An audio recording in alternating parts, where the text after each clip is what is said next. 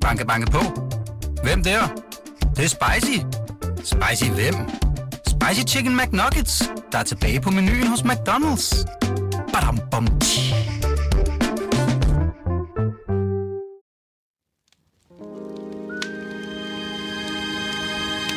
Hey girl, I got something real important to give you.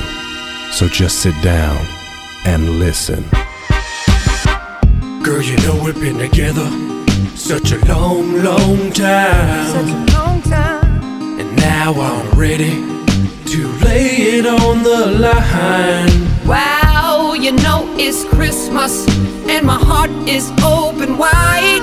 Open wide. Gonna give you something so you know what's on my mind. What's on my mind? A gift real special. So take off the top. Take a look inside. Is my dick in a box? It's in a box. Not gonna get you a diamond ring. That sort of gift don't mean anything. Not gonna get you a fancy car. Girl, you gotta know you're my shining star. Not gonna get you a house in the hills. A girl like you needs something real. Wanna get you something from the heart. Something special, girl. It's my dick in a box. Dick in a box, babe. It's my dick in a box. Ooh, my dick in a box, girl.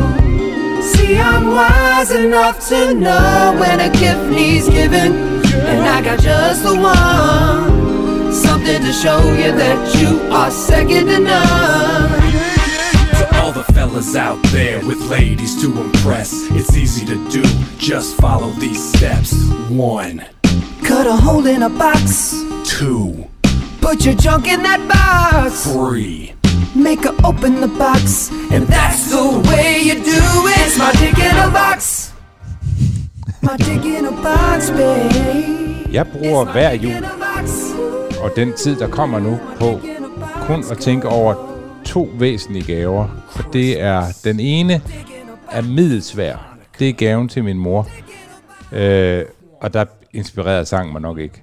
Øh, og så er der gaven til Maria, som jeg opfatter som næsten umulig. Gaven til Johannes, det er noget af det nemmeste, der findes. Og resten af, jeg kender, de skal bare have sokker eller vin. Ja. Øh, gaven til Johannes, der går jeg bare ind i, i en BR-butik, og så tænker jeg, hvad har jeg selv lyst til at lege med? Og det, sådan, det virker altid. Ja. Øh, men, men med Maria er det rigtig, rigtig svært. Og der er det jo godt, at der findes nogen som Lonely Island. Jeg ved ikke, hvor mange albums de er op på efterhånden. Det ved du, Andreas. De, To-tre stykker mindst. ja, de har udgivet en del. To-tre stykker, siger han, ja. Vi kan ikke høre ham. Ja. Måske endda mere, tror jeg.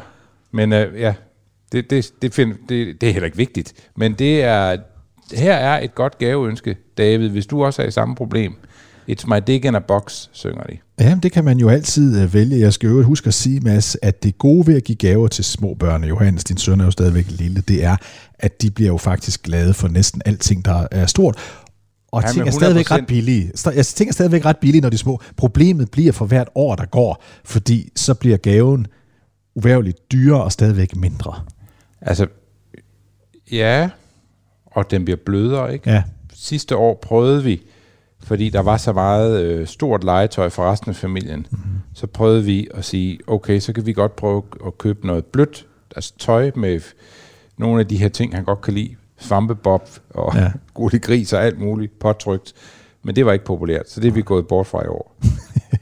Det er noget af det, der kan gå galt øh, over, over Men jeg er ret sikker på, at hvis jeg bare, hvis jeg som til Maria giver hende den gave, at jeg kommer med en æske, jeg holder foran mig med et hul i, og hun kan åbne den og blive overrasket, at så vil jeg, øh, altså, så vil jeg få rigtig lang periode på sofaen. Det tror jeg altså, også. Det vil, udmærket, udmærket. det kan godt, der kan godt gå en hel sæson til næste jul, hvor Pas jeg på, bare vil sove på øh, sofaen. Pas på, hvem der ellers er som gæster, hvis du kommer for godt øh, i gang med, med det der. Mads, i USA er det jo den kommende uge ikke jul, men, øh, men, men Thanksgiving. Og Thanksgiving er, som vi har snakket om mange gange her i programmet, den største, den største helligdag i virkeligheden for amerikanerne, det der, hvor alle familierne rejser hjem til sig selv. Det er en torsdag, man har fået fri om fredagen og lørdag og søndag, så det er sådan en lille forlænget weekend. Og modsat øh, religio, øh, religiøse helligdage som, som påske eller jul, ja, så er der ikke noget religion, der gør det. Ikke alle holder det, så alle holder det. Og denne her gang, der er det faktisk et stort problem for vores gode ven, øh, præsident, øh, præsident Biden. CBS News lavede forleden dag en undersøgelse, der viste, at man regner med, at det at afholde eller tage til en Thanksgiving i år, det vil koste 14 procent mere, end det plejer, fordi kalkunen er blevet dyrere, fordi benzin er blevet dyrere, fordi flybilletten er blevet dyrere, fordi øh, trænebærene er blevet dyrere, fordi det hele er blevet 14 procent dyrere. Det er ikke kun inflation, det er også øh, den virkelighed, der ligger i, at man har manglende leverancer af varer fra andre lande. Så 14 procent mere, helt konkret, det er ikke en abstrakt diskussion om inflation. Det er nemt at forstå. Ja, det er det. Og han kom ellers så godt i gang med Thanksgiving. Han havde en rigtig fin øh, benådning. Det er jo ja. sådan, at præsidenten benåder et par kalkuner øh, til hver øh, Thanksgiving-sæson. Og i år, der var det kalkunerne peanut butter og jelly, ja. der blev benådet, øh, fordi, som Biden sagde, at de... Øh, at øh, de havde det rette temperament og øh, vaccinationsstatus til, at, øh, at, at det ligesom kunne forsvares, at man benåede de her øh, to peanut butter and jelly. Godt navn, synes jeg, til et par kalkuner. Øh, og, og det var morsomt, og han kom godt fra det, og Biden var øh, jo øh, i en rolle, hvor man ikke så tit ser ham, nemlig han var sådan lidt, øh, lidt øh, på sådan han var, der, der var fri leg på reservatet, og det var han overraskende god til. Det er en af de situationer, hvor man tit tænker om Biden, at øh, det er sådan noget, hvor det kan være sådan fugl eller fisk, hvordan det lige skal ende. Mm. Men netop dig her. Men det gik rigtig godt. Men noget, der bare ikke går godt for ham, er, at øh, priserne stiger i USA med, med raketfart, og øh, det kan alle amerikanere mærke. Øh, og, øh, og det gør, at... Øh, at øh, selv Donald Trump har fået... Der har, I lang tid har det været sådan, at når man laver målinger på, om Biden skulle stille op igen, og det siger han jo selv, at han gerne vil, så sagde de her målinger, det er egentlig ligegyldigt, om han stiller op, fordi hvis han stiller op mod Trump, så vinder Biden. Mm-hmm. Men nu har Trump fået lavet nogle målinger, der øh, viser noget lidt andet. Ja, ja, fordi dem viste, dem viste øh, tidsskriftet, eller internettidsskriftet Politico her forleden dag, de viste, de havde fået lækket tal, de var sjovt nok lavet af Trumps egen kampagne, men, men, men, men den var, de var dog lavet, de her tal, hvor, hvor Trump-kampagnen, Trumps nærmeste folk, er gået ind og set på de fem øh, delstater, svingstater, som afgjorde valget. Arizona, Georgia, Michigan, Pennsylvania og Wisconsin, som alle sammen var stater, som øh, Joe Biden vandt med maksimum 3% af stem, 3% point af forspring til, til, til, øh, til, til Trump, og det gav i alt 73 valgmænd. Så det er meget vigtigt. Så de er gået ind og kigget på dem, og der giver tallene, i stedet for at Biden vandt dem alle sammen, som han gjorde i november 2020, ja, så står øh, de her fem delstater til solide forspring til, øh, til Trump. Prøv at høre Arizona plus 8% point, Georgia plus 3, Michigan plus 12, Pennsylvania plus 6 og Wisconsin plus 10. De der tal, de gjorde, at øh, der kom endnu mere øh, benzin på bålet om, at øh, Trump han genopstiller i 24. Det må man sige. Øh, nu er det jo, og det skal vi jo sige, det er jo notorisk svært at måle så langt ude. Mm-hmm. Men når det alligevel er lidt interessant, er, at når man måler på to, som alle vælgere kender godt, den tidligere siddende præsident og den nuværende, ikke den tidligere præsident og den siddende præsident, så er man så er man ude, hvor nogle af de her øh, bekymringer med tidlige målinger, nemlig at vælgerne ved egentlig ikke rigtig, hvad de udtaler sig om, mm. og tit er det derfor name recognition, altså hvem er det, vi har hørt om før, og hvem har vi en eller anden form for, hvad vækker en, en anden, hvad ringer en klokke, når du siger det der navn, og det, det påvirker de her målinger rigtig, rigtig meget. Men, men derfor, man skal tage de her målinger alvorligt, og i lang tid kunne man godt se, at selvom det gik dårligt for Biden, så øh, gjorde det ikke så meget, fordi Trumps øh, vedvarende forsøg på at fortælle sin, de amerikanske vælgere, at det sidste valg var, var, var, var illegitimt, og han var den øh, retmæssige præsident osv., og, og det her forsøg på at kapre partiorganisationer og de øh, instanser, der, der laver, der, der, der forestår valgafvikling i de forskellige delstater osv., det er der faktisk.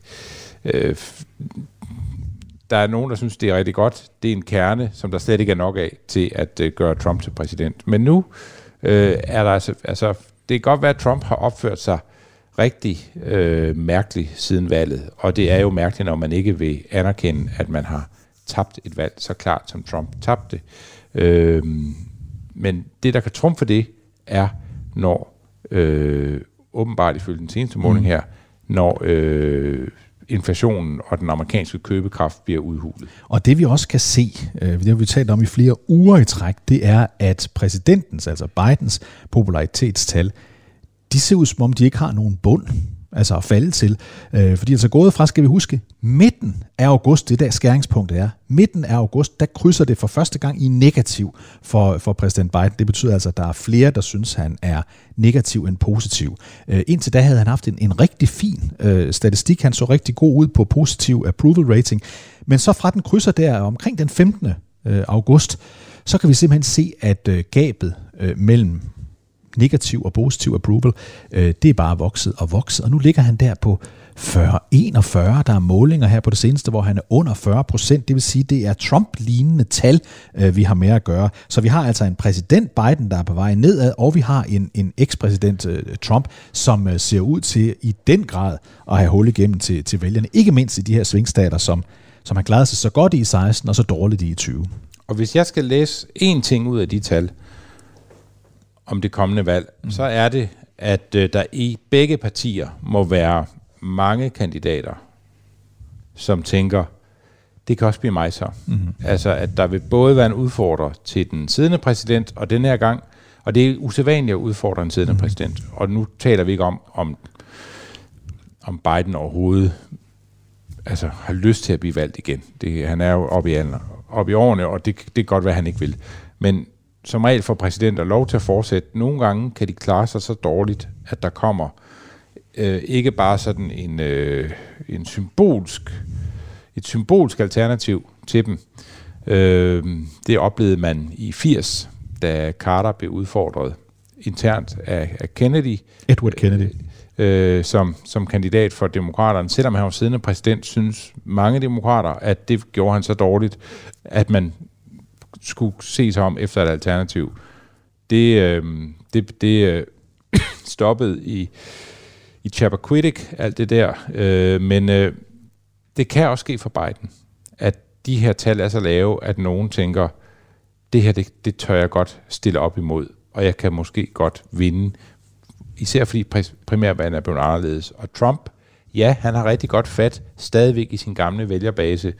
De nationale målinger må give mange republikanere blod på tanden, især hvis de er forholdsvis tæt på politisk, tæt på Trump politisk, som eksempelvis DeSantis i Florida, eller Nikki Haley, øh, som ikke ligger alen langt fra ham, og han vil ikke kunne rigtig beskylde dem for at være illoyale, men et alternativ, der er øh, fri for konspirationsteorier. Så, så tænker jeg, at begge partier egentlig må have rigtig mange, der sidder og tænker, lad os nu gå i gang med at undersøge det der 2024-valg. Om ikke vi kan finde en kandidat, der i det mindste ikke ligger nede på disapproval ratings på sådan 40-41 øh, procent. Præsident Biden var ude, ikke selv, men via sine, sine folk i det hvide hus, og lavede forstå her i den forløbende uge, at jo jo, han agter sandelig at genopstille i 2024. Det gjorde han, fordi øh, der var en af hans øh, senator, tidligere senatorkolleger i øh, senatet, der var ude og antyde, i sådan en lukket kreds, men det blev refereret,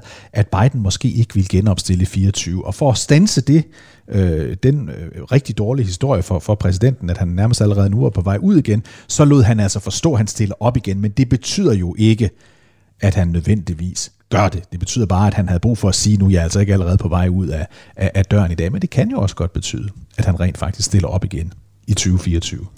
Det kan det, og det vil, øh, det vil selvfølgelig være en gave til republikanerne.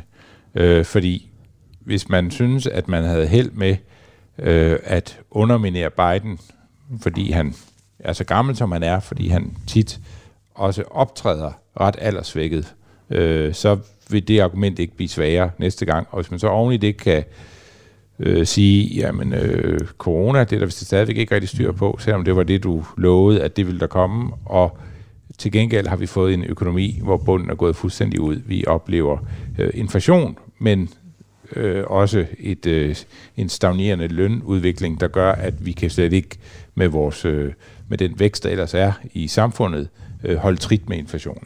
Lad os lige prøve at høre på det med de dyre priser. Lad os lige prøve at høre et lille klip her, som øh, vi hører noget af, som er fra Bloomberg øh, News her i den forløb nu, hvor de sådan riser op, hvad det er for en virkelighed, der er i USA lige nu.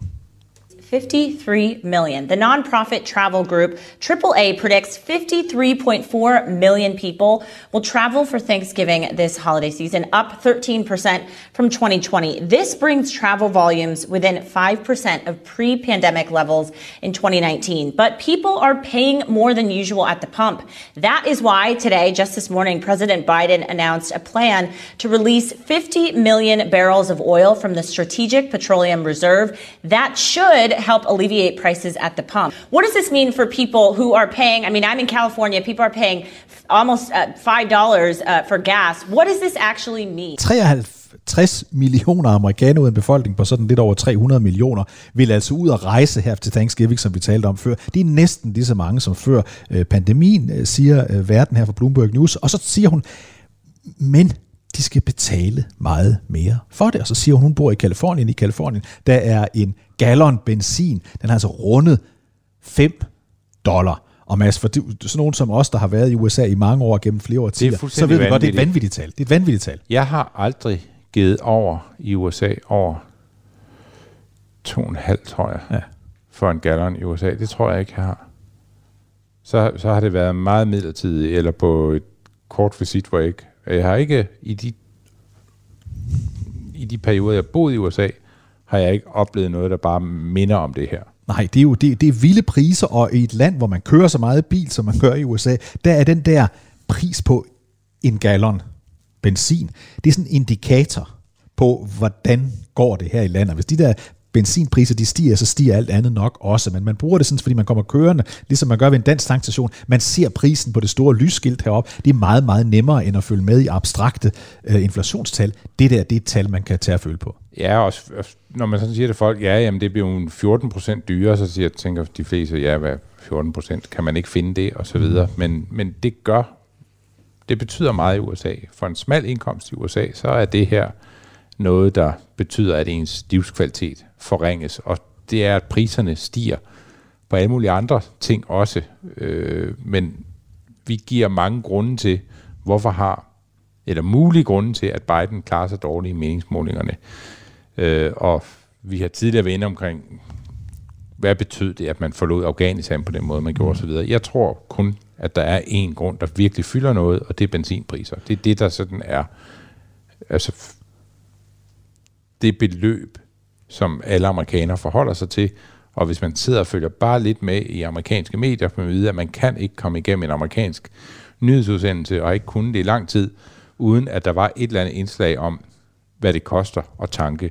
Og jeg tænker, at hvad koster en, en liter diesel i Danmark? Koster hvad? 12 kroner i dag, og en liter benzin koster 13-14 kroner. Jeg tænker, at hvis, hvis danskerne oplevede, at pludselig kostede en liter diesel 25 kroner og en liter benzin 30-40 kroner, så tror jeg også, at vi vil have rigtig meget snak om det på vores breddegrader. Hvis vi nu kigger på præsident, ekspræsident Trump, så var han ude og kommentere de her øh, stigende benzinpriser. Det er jo øh, vant til hans møller, om jeg så må sige. Prøv lige at høre lidt af, hvad, hvad Trump han siger her i et interview. gasoline was one dollar and eighty-seven cents. That was a year ago, and now it's I guess just hit seven dollars and fifty cents in California. The rest to follow. And I predicted this.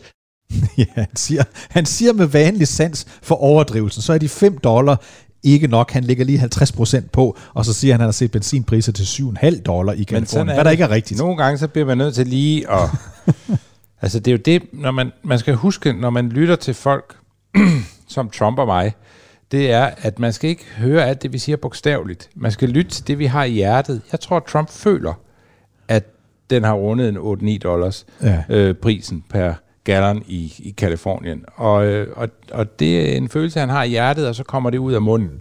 Øhm, men det skal ikke tages helt bogstaveligt. Vi er i den boldgade, det er mere sådan, det skal Vi er i den boldgade. Det stiger, stiger, stiger. Det følelsesmæssigt øh, er, er, er det i hvert fald en opadstigende kurve. Præsident Biden, som der også blev sagt i Bloomberg-indslaget lige før, han øh, laver så en indsats, hvor han går ud og frigiver øh, reserver, altså oliereserver, for simpelthen at få få, få, få markedet øh, til at have, have mere benzin, så prisen kan begynde at falde på det her. Prøv at høre, hvad han selv siger, da han meddeler det her i den her uge.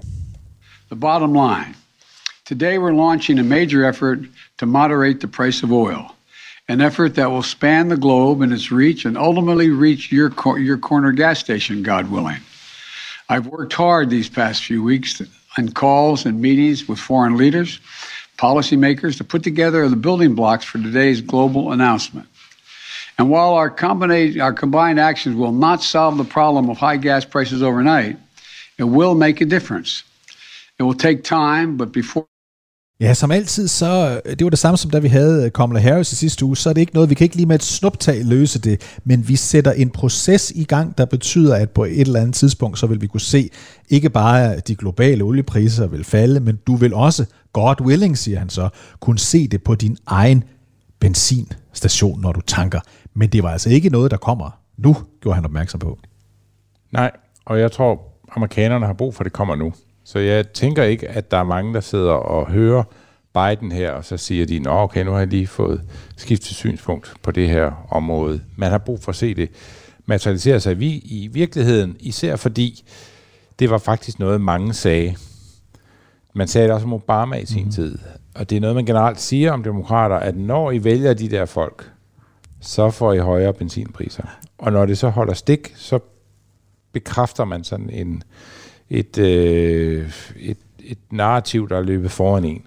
Og det, det kan være svært at slås med øh, politisk, og derfor tror jeg, at Biden, øh, det vil være rigtig godt for Biden, og jeg, jeg siger jo ikke det her, fordi jeg hader klimaet, men hvis man ser på, hvad der vil være godt for Biden, så vil det være super godt for Biden, hvis der kommer en masse olie på markedet her nu, så benzinpriserne de kunne komme ned.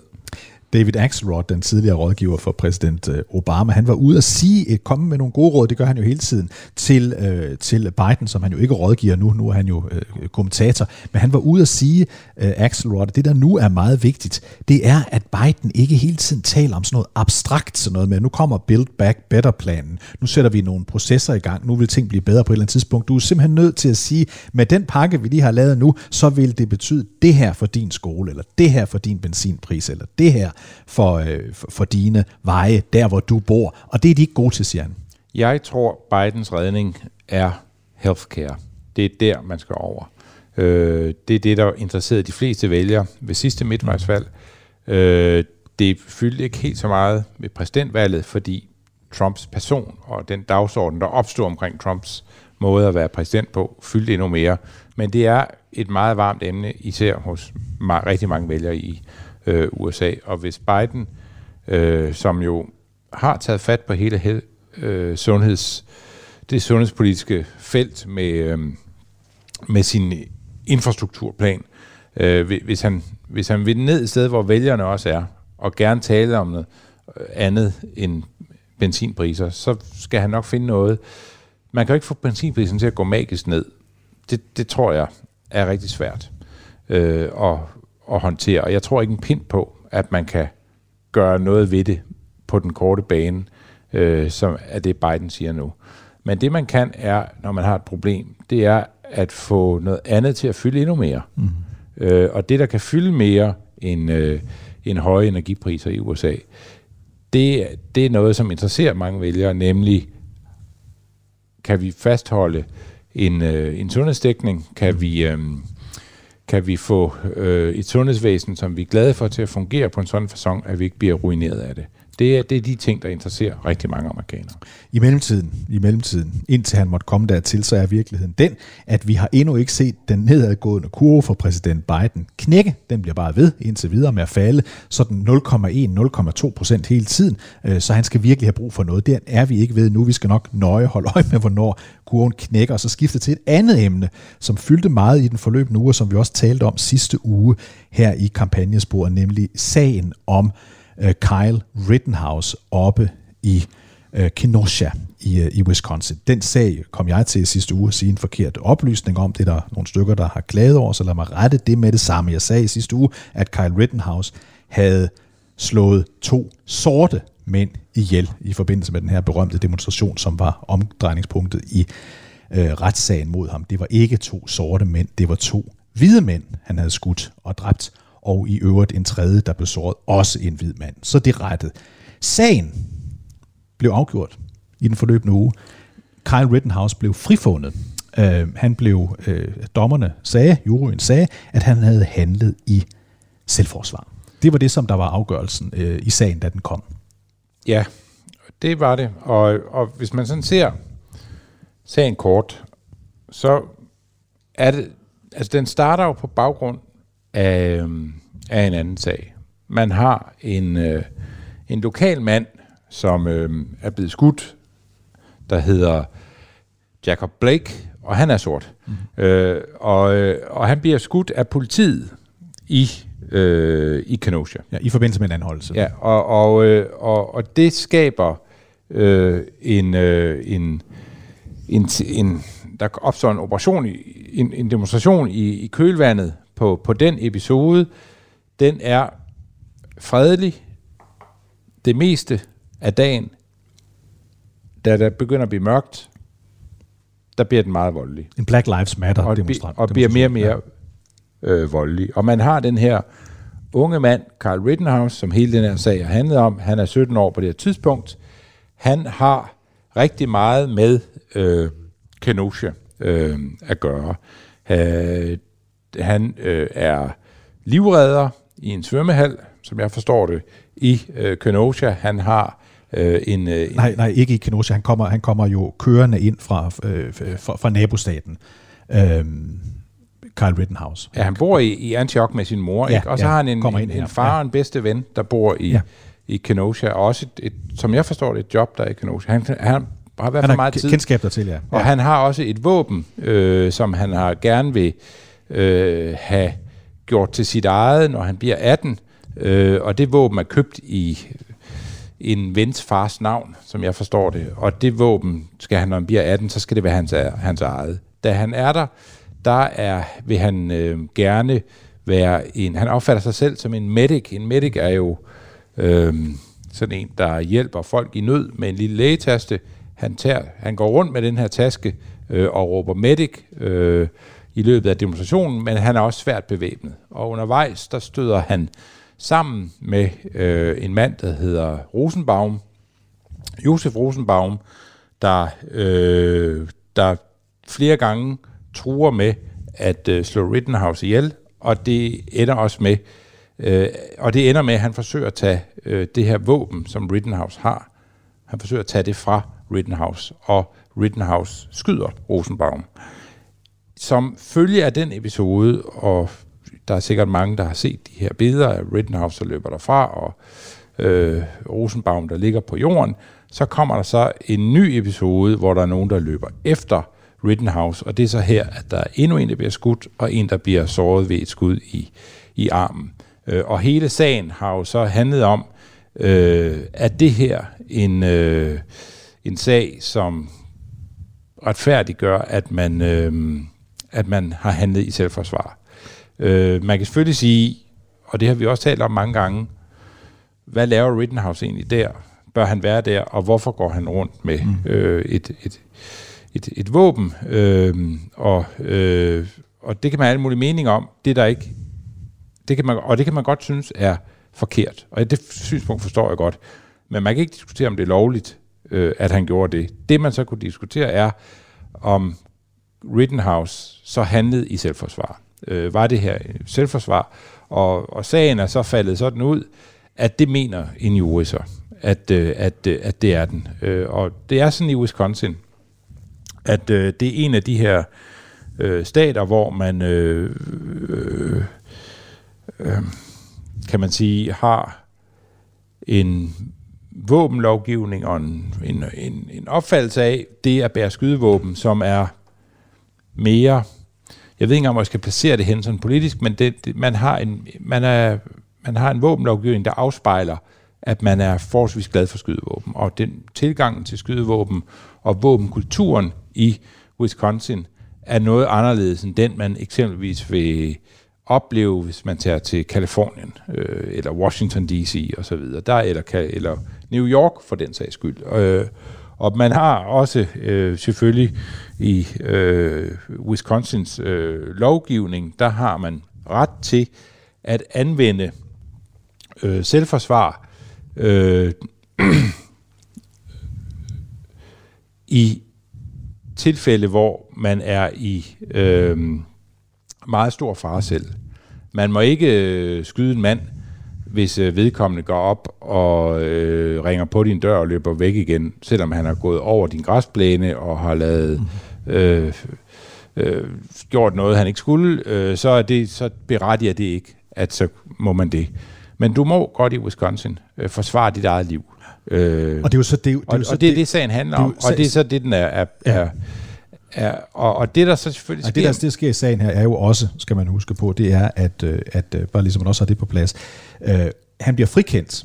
Anklagemyndigheden mener jo, at han ikke har handlet i selvforsvar. De mener derfor, at han skal dømmes. Men juryen frikender ham, og så det centrale her er, at det ikke er en sag, der kan appelleres. Det vil sige, at den er endegyldig, den er færdig, sagen er, sag, sagen er, er, er afgjort. Der kommer altså ikke en instans til en højere ret øh, i, i, den her, i det her tilfælde. Så som vi allerede forudså, vil jeg sige, i sidste uges øh, udsendelse, da vi talte om det her, så lød det som om, at forsvarerne havde ført øh, et, et ret overbevisende øh, et, et ret overbevisende forsvar for ham, der gjorde, at det lå lidt i kortene, at han ville ende med at blive frikendt øh, øh, i den her sag, som det så også endte med. Ja, altså, det skal jeg ikke gøre mig til ekspert på. Ja, men, men jeg opfatter det som en, øh, en selvforsvarssag. Jeg har også tænkt mange gange over, hvorfor render du rundt der 17 år gammel med et skydevåben? Øh, og det har jeg mange gange øh, tænkt over, at det er jo, øh, at det er trist, at USA er sådan. Og jeg har også tænkt, det er rigtig trist, at, at, øh, at en af dem, der var med til at overfalde ham, øh, trækker en Glock op af, er gået til demonstration, mm. øh, og, og trækker en, øh, et, en, øh, en pistol op af, af, af, er bæltet øh, og også er bevæbnet. Altså jeg tænkte, det har jeg tænkt er, er frygteligt trist, at det her to unge mennesker, mm. som øh, deltager i en demonstration og, og, øh, og er mødt op til den bevæbnet. Og jeg er priser mig lykkelig over, at når jeg er ankommet til Christiansborg for at gå på arbejde, og nogle gange må kæmpe mig igennem øh, nogen, der synes, at det ene eller det andet øh, af det, vi finder på herinde, burde være helt anderledes. Og der er nogen, der synes, at coronarestriktioner er forkert. Mm. Der er nogen, der synes, at den udlændingepolitik, vi har, øh, synes, de er helt forkert. Der er andre, der synes, at øh, kontanthjælpsloftet skal afskaffes. Der er alle mulige mennesker. Øh, der er nogen, der synes, at miljøet, og der er en fredsfaktor altid været det. Jeg har aldrig nogensinde øh, følt, at, øh, at det kunne være andet end... Øh, sådan almindeligt øh, generende, hvis de stod og stod på trummen, mens man prøvede at arbejde herinde og så videre. Jeg har aldrig frygtet for mit liv, eksempelvis, øh, i dansk politik. Øh, jeg vil aldrig nogensinde turde deltage i en, øh, en demonstration i USA, som jeg, som, som jeg vidste om var om sådan et, et emne her. Det, som Heller ikke jeg, det, bare det, for at dække det. Det, som, det, som jeg jo synes uh, i sådan en situation, der opstår her, det er, at uh, ja, den amerikanske lovgivning, og det, i det her tilfælde delstatslovgivningen, de to delstater, der er involveret, de er, som de er, og det er det, som retssager kører efter. Derfor kan det jo godt være dybt, dybt ubehageligt at forestille sig, at vi har et land, hvor det bliver betragtet som nogenlunde normalt, at en teenager bevæger sig ind i en demonstration med et skarp, lat våben, og at det i sig selv ikke har større fordømmelse over sig, øh, end de har. Det synes jeg er, er, er, er sørgeligt, og noget af det allermest sørgelige i USA. Ligesom det er sørgeligt, at øh, den i øvrigt øh, psykisk ustabile Rosenbaum, ham den ene, der ender med at blive dræbt, også trækker våben derinde. Altså han også har adgang til et våben. Altså det her, det bliver på en eller anden måde et billede på en kultur, hvor man ikke synes, det er særlig slemt, at en ung mand kommer, en ung dreng faktisk i det her tilfælde, kommer med et våben. En dreng, der jo nu bliver hyldet, fordi han bliver øh, gæst i et kæmpe show på Fox News hos Tucker Carlson i den kommende uge, tror jeg, at det allerede skal sendes, hvor han bliver hyldet som en, som, som, som, som, som en held i virkeligheden. Man kan sige, automatreaktionerne ja. går jo i gang på begge fløje. Mm-hmm. Og det ja. var vel også derfor, du lidt fik ja. ørerne i maskinen, ja. ja. David, ja. at nogen mente, at du var at du så nogle spøgelser mm. i sagen, som ikke ja. var der. Ja. Øh, og, øh, og det gør de på begge fløje. Venstrefløjen siger, at det her handler slet ikke om selvforsvar. Det handler i virkeligheden om, om racisme. Øh, og, øh, og våben. Og våben. Og højrefløjen øh, siger, at det her det handler om nogle kerneamerikanske dyder, mm. at man øh, forsvarer det, øh, man har kært, øh, så at sige. Øh, jeg ved ikke, jeg sad selv, da, da, altså, da det klip kom ud fra retssagen, hvor, øh, hvor øh, ham her, den, den, den sidste, der bliver skudt, af, af de, der bliver skudt, øh, så ham, der bare bliver såret ja. i sin arm, øh, han hed øh, Grosskreutz, øh, da han sidder i vidne øh, skanken og siger, at øh, Rittenhouse først skød ham efter, at Grosskreutz havde trukket en pistol og peget på ham mm. med den. Der tænkte jeg, det kan godt være, at du aldrig skulle have været der. Det skulle ingen af jer. Men der tænkte jeg også, det bliver svært at dømme dig. Altså, hvad skulle... Øh, og, og jeg tænkte også, at der er jo den der perverse logik, der gør, fordi de begge to er bevæbnet, at hvis Rittenhouse ikke havde været bevæbnet, så havde han nok ikke været i live i dag. Eller det er der en stor sandsynlighed for, at ja. han, han ikke havde været. Øh, men alt det sagt, så... Øh, og jeg, jeg, jeg havde nok efter, efter den del af retssagen, efter det klip, tænkte jeg, du skal nok frifindes her, men det vil være fint, hvis vi går i gang med en debat derover om, øh, skydevåben i det amerikanske samfund og den politiske kultur øh, som sådan. Øh, det, øh, Lad os, prøve at høre, hvad, lad os prøve at høre, hvad Derek Johnson, som er præsident for NAACP, det er den øh, sorte borgerretsbevægelse, som øh, Martin Luther King i sin tid var, øh, var i også. Øh, han er ude øh, og sige, at øh, det her det skaber en meget farlig præcedens, fordi vi i virkeligheden siger, at selvtægtsmænd, bevæbnet frit kan gå rundt i gaderne i USA. Prøv at høre, hvad han, hvad han siger her. You know, it's hard for African Americans to reconcile what we witnessed in that trial. We have far too many individuals sitting in jail for crimes they didn't commit or overcharged for crimes that were committed. And here you have a 17 year old who illegally purchased a gun, traveled across state lines to protect property that was not his for owners that who did not invite him, and he put himself in harm's way based on the rhetoric that he's seen on social media platforms. So it's hard to reconcile the verdict with the experience that many African Americans have faced over the uh, several decades. So this, this this trial for us is a warning shot that vigilante justice is allowed in this country or in particular communities.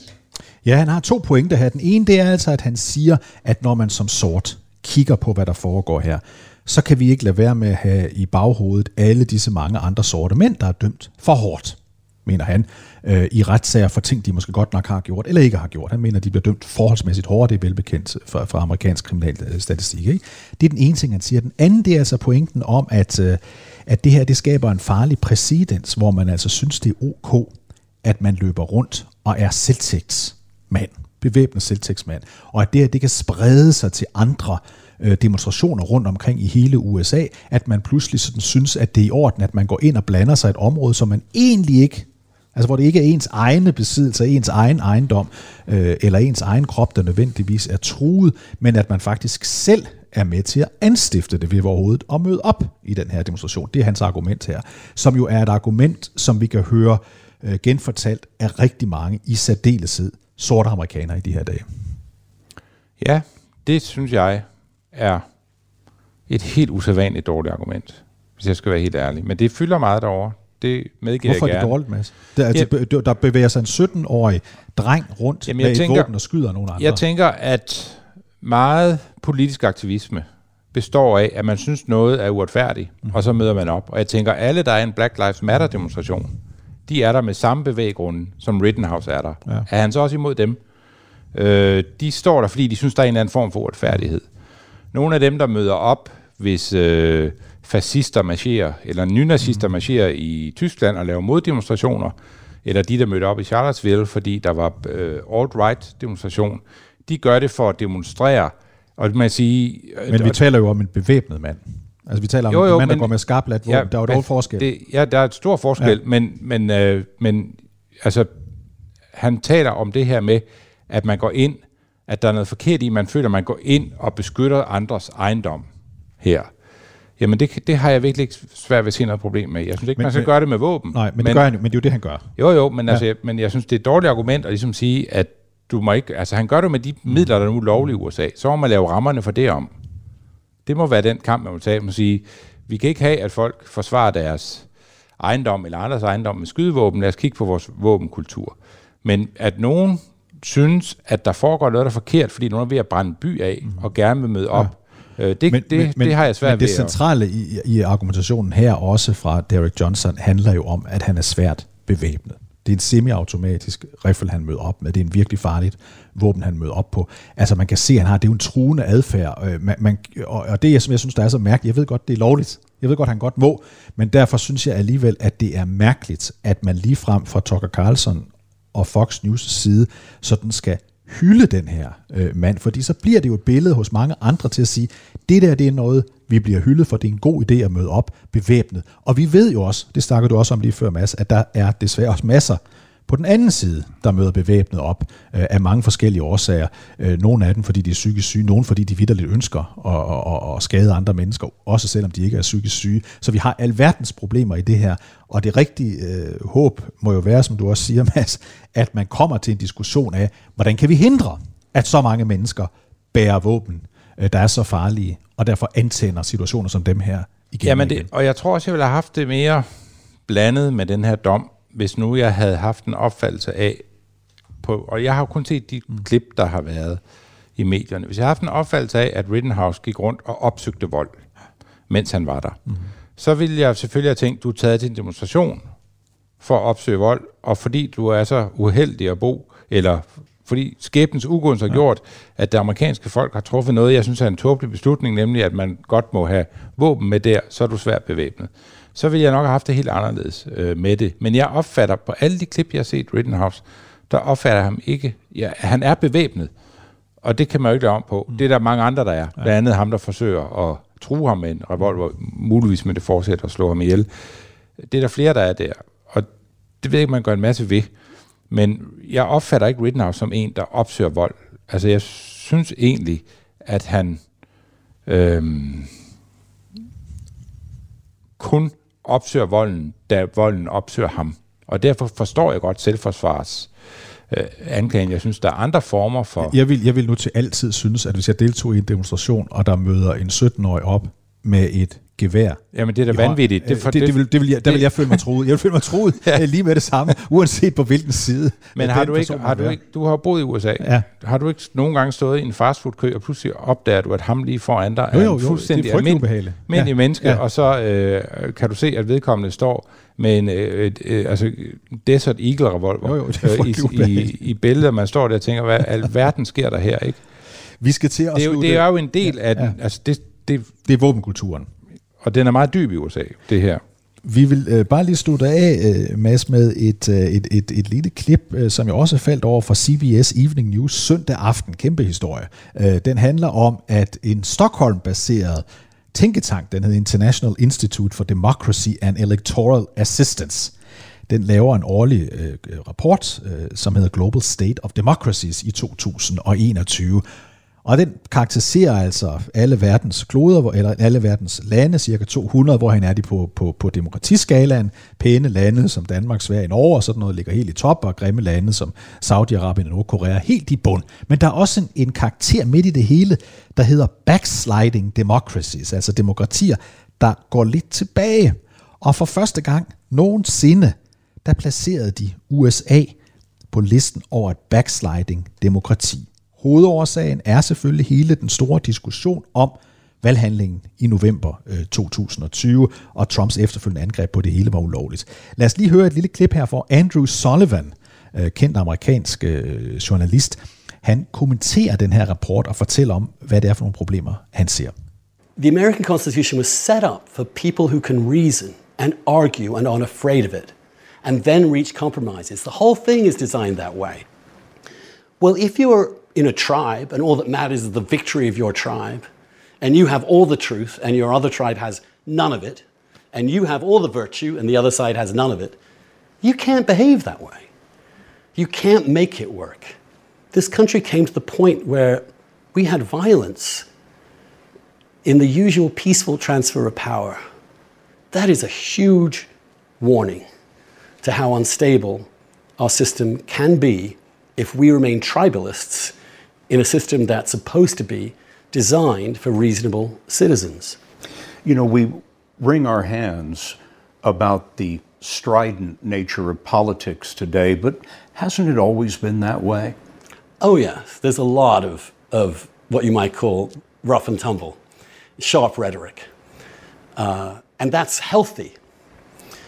What's not healthy is when that isn't just retained and kept in the political area, but becomes personal, becomes something you bring to the supermarket, becomes something you bring to Thanksgiving dinner, becomes something that permeates everything. And that separation between politics and life is what we're, we're losing, and that's a terrible thing to lose. Ja, det han taler om, det har vi også alle sammen oplevet, øh, Mads, når vi har været i USA i de seneste år, det er, at man har haft stadig vanskeligere ved at adskille øh, politik fra familie. Så man sidder i en familie, og, og, og det der politiske emne bliver så voldsomt, at man ikke har lyst til at tale om det, eller man sidder hjemme hos nogle folk, man besøger, og op, ophidselsen bliver enorm, hvis man enten tilhører den ene eller den anden side, og hører nogen i selskabet, der står øh, det andet sted. Det kalder man tribalisation. Og det kan vi jo se, når vi kigger på, hvordan øh, statskundskabsfolk i både USA og i Europa kigger på det, der sker i USA. Så er det det ord, de meget bruger nu, altså stammetænkning. Her er min stamme, her er din stamme, og, og vi vil bare have, at min stamme vinder det hele, den anden stamme må ikke vinde. Så i stedet for at have en, en civiliseret diskussion, så bliver det sådan en gammeldags stammekrig. Det er det, der gør, Øh, eller konsekvensen af det, det var så 6. 6. januar stormløbet på kongressen, og det er derfor, at den her tænketank i Sverige siger, at USA er et backsliding demokrati, hvilket selvfølgelig ophidser øh, mange amerikanere, for det mener de ikke. Omvendt var der meningsmålinger, som CBS også viste, der siger, at cirka en fjerdedel af amerikanerne er enige. USA's demokrati er i krise, og den fjerdedel, nogle af dem er demokrater, og nogle af dem er, er, er republikanere, de fordelte sig faktisk nogenlunde øh, lige. Så det her det er jo det er jo en diskussion, som vidderligt fylder noget i USA.